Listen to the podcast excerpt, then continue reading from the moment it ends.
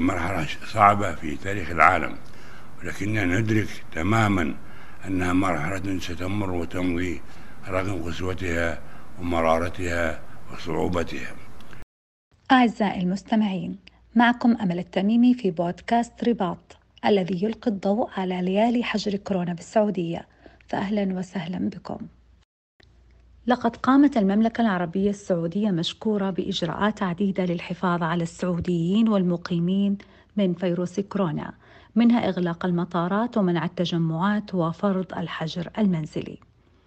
يسعدنا في بودكاست رباط أن نستضيف في هذه الحلقة الدكتورة وداد بنت عبد الرحمن بن علي آل جروان القرني. تخصص علم اجتماع سياسي بقسم الدراسات الاجتماعية بكلية الآداب بجامعة الملك سعود. تقلدت الدكتورة وداد الكثير من المناصب وأيضا لديها العديد من الخبرات العلمية والعملية منها أنها عملت مكلفة بالعمل الدبلوماسي أخصائية اجتماعية في الملحقية الثقافية السعودية في بريطانيا توجيه سابق من سعادة السفير سمو الأمير محمد بن نواف للعمل كعضوة لجنة الشؤون الطلابية بالسفارة السعودية في لندن. فأهلا وسهلا بك دكتورة وداد. وداد بوصفك دكتورة أكاديمية وأيضا كاتبة مقال في صحيفة آراء السعودية فكيف تؤدين عملك من البيت؟ دكتورة وداد عكست أزمة كورونا وعيا تقنيا للشعب السعودي وأيضا للأكاديمي السعودي. فهل واجهت صعوبة في تعليم الطالبات عن بعد؟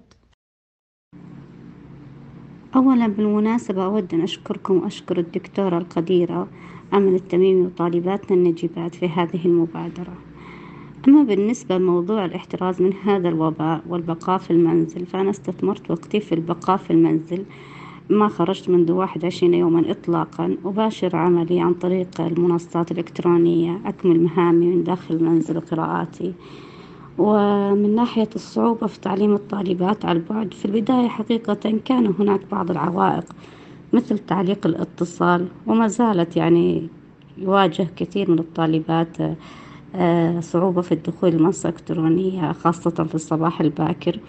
لكن أرى أن الجميع مستجيب وأنا أؤيد هذه الطريقة التفاعلية لأنها مساندة للمجتمع سواء في الأزمة الحالية أو غيرها ولها إيجابيات قد تساعد مستقبل التعليم في التخفيف من كثير من الأعباء وتنظيم كثير من الأمور.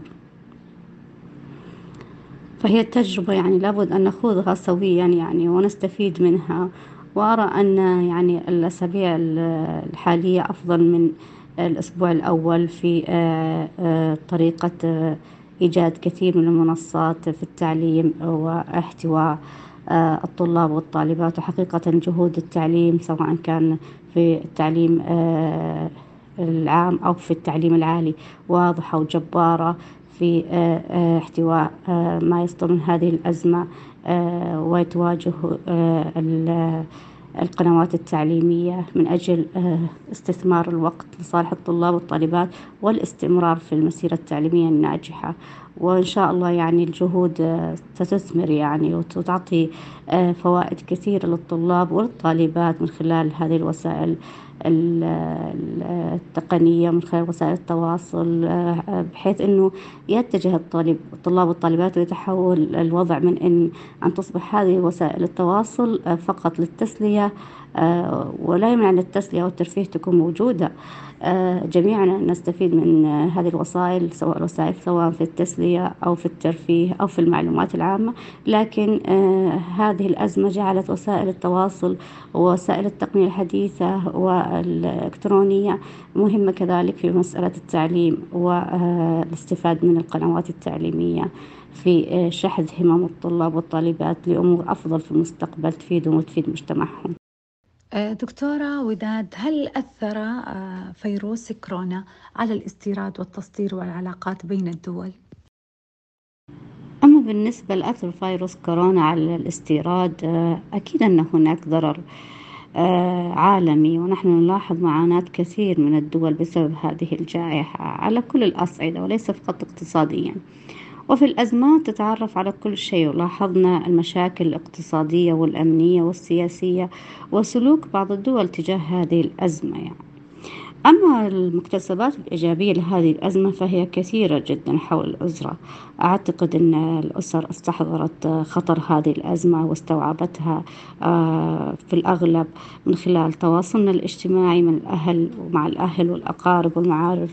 نجد وعي نجد عناية أكثر نجد احتواء آه، لكن قد تتضح معالم هذه الأزمة اجتماعيا بعد زوالها إن شاء الله.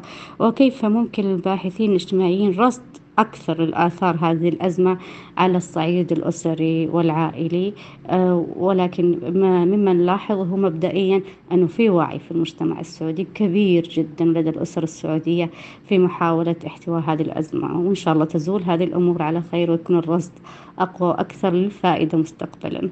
في ظل ليالي التزامنا بالحجر المنزلي في السعودية هناك من ينظر إلى أن هذه مكتسبات إيجابية على الأسر بأنها جعلت هناك ترابط أسري آه، حتى يفرج الله الأزمة هل تنظرين إلى هذه المكتسبات الإيجابية فعلا دكتورة؟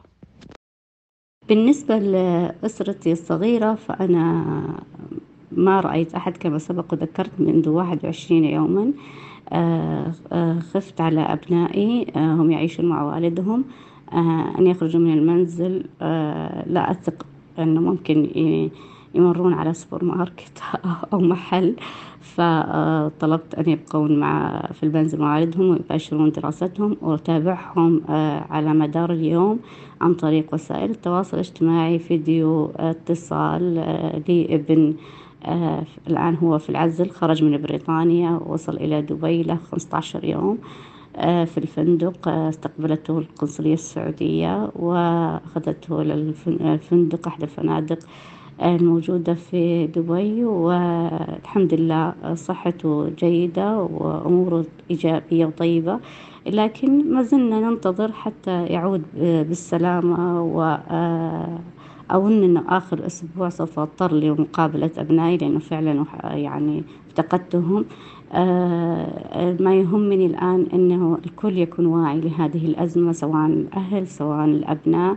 آه، قبل واحد وعشرين يوم التقيت بأبنائي وزاروني وكانت آه، الآراء فيما بيننا تجاه هذه الأزمة كثيرة وكثيرا ما أسألهم عن رأيهم حول هذه الأزمة وأرصد آرائهم ووجههم الألعاب أو التسلية اللي كنا آه، نقوم فيها أو نستغل وقت معين للترفيه عن أنفسنا. يعني بما أنه نحن موجودين في العزل أي مشاهدة بعض الأفلام وبعض البرامج. ما اتجهنا صراحة للألعاب القديمة.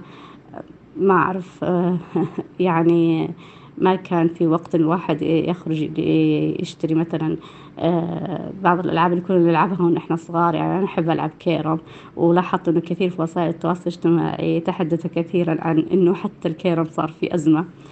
آه، لكن بعد الأزمة إن شاء الله في رمضان إن شاء الله بإذن الله لأني متفائلة آه، نحاول أن نلعب الألعاب القديمة مع الأبناء تواصلي مع الأهل على طول تواصلي مع الأقارب والمعارف عن طريق تواصل وسائل التواصل الاجتماعي للاطمئنان عليهم وإن شاء الله تزول هذه الأزمة ويكون اللقاء عن قرب قريبا إن شاء الله دكتورة وداد كونك دكتورة في علم الاجتماع برأيك هل هناك أضرار عائدة على الأسر اقتصاديا؟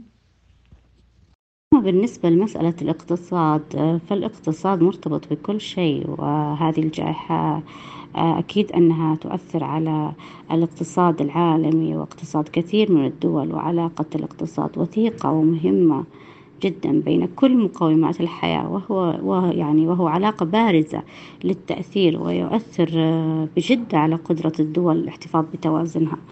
وأظن الشواهد والوقائع الأرض آه، تشهد بأن دولتنا المملكة العربية السعودية المملكة العربية السعودية قادرة بفضل الله ثم بفضل جهود الحكومة على احتواء هذه الأزمة والرصد لها وكل ما من شأنه إعادة هيكلة الاقتصاد في الأزمة وبعد الأزمة. إن شاء الله الدور يبقى علينا نحن في كيف التعامل مع هذه الأزمة والاستفاد منها آه، بعد زوالها بإذن الله في كل حياتنا إن كان على المستوى الاقتصادي أو الاجتماعي أو الأسري. دكتورة وداد كونك كاتبة مقال في صحيفة آراء السعودية هل تأثرت كتاباتك في ظل أزمة الحجر المنزلي وأزمة كورونا وأخذت منحى مختلف عن السابق؟ نعم أنا أكتب في آراء صحيفة آراء السعودية وكتبت مقالين بشأن هذه الأزمة مقال عن الناس في هذه الأزمة وكيف آه، انقسم الناس إلى أصناف في موضوع آه، تقبل هذه الأزمة والوعي بها وكيف التعامل معها والاستجابة لجهود الدولة وللقوانين واللوائح لاحتواء هذه الأزمة.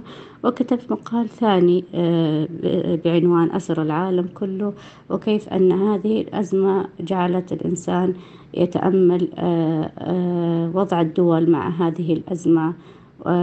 سياسيا اقتصاديا اجتماعيا ثقافيا دكتورة وداد كلنا نتابع ما تصدره منظمة الصحة العالمية لمحاربة فيروس كورونا وأيضا ما تتصدى به حكومة المملكة مشكورة من احترازات وأيضا لعلاجات وأيضا من خدمات في ظل هذه الأزمة كيف تنظرين إلى الجهود المقدمة من السعودية؟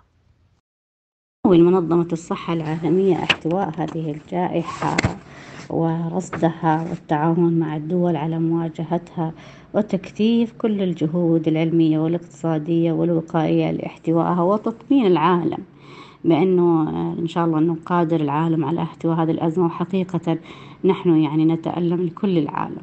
ونتمنى إن شاء الله أن تزول هذه الأزمة قريبا. ورأينا كيف أشادت منظمة الصحة العالمية وكيف أشاد العالم كله بجهود دولتنا وحكومتنا في هذه الأزمة اللي أثبتت فعلا قدرتها على إدارة الأزمات واحتوائها وأنها فعلا آه، قادرة على أنها تقدر وتثمن قيمة الإنسان فوق كل اعتبار يعني. دكتورة وداد كلنا مسؤول.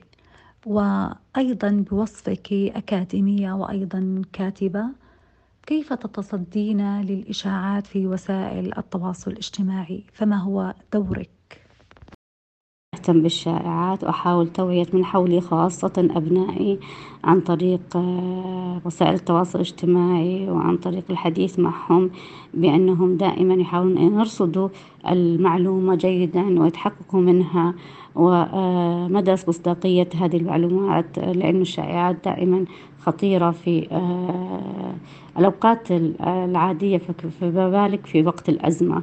فلا بد أن الإنسان فعلا يتصدى لها ويوعي الآخرين من حوله أنهم يعرفون كيف يرصدون المعلومة وكيف يتأكدون ويكونون آه، واثقين من صحتها ويأخذون هذه المعلومة من مصادرها الرسمية. الحمد لله المصادر الرسمية موجودة آه، وتعلن آه، بشبه يومي سواء صحيا اقتصاديا تجاريا للمستهلك للقاصدين الصحة الجميع عن الأوضاع. فيعني لا داعي أن الإنسان آه، ينتحي عنها ويذهب يبحث عن معلومة آه، تضلل آه، يعني معلومات وحقيقة نحن كلنا نتعرض نحن كلنا نتعرض لهذه الشائعات عن طريق وسائل التواصل الاجتماعي وخاصة الواتساب لكن دائما نحاول أن ندفعها بكل وعي وجهود يعني شخصية مع أنفسنا ومع الآخرين.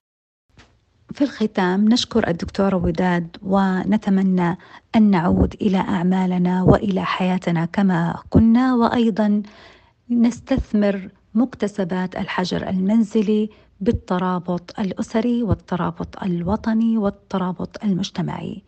الملك سلمان حفظه الله يدعو إلى تحالف وطني لمواجهة وباء كورونا والشعب يستجيب وبودكاست رباط يوثق هذه الذكريات لشخصيات سعودية وطنية هبت تنادي إلى تنفيذ الأوامر الملكية.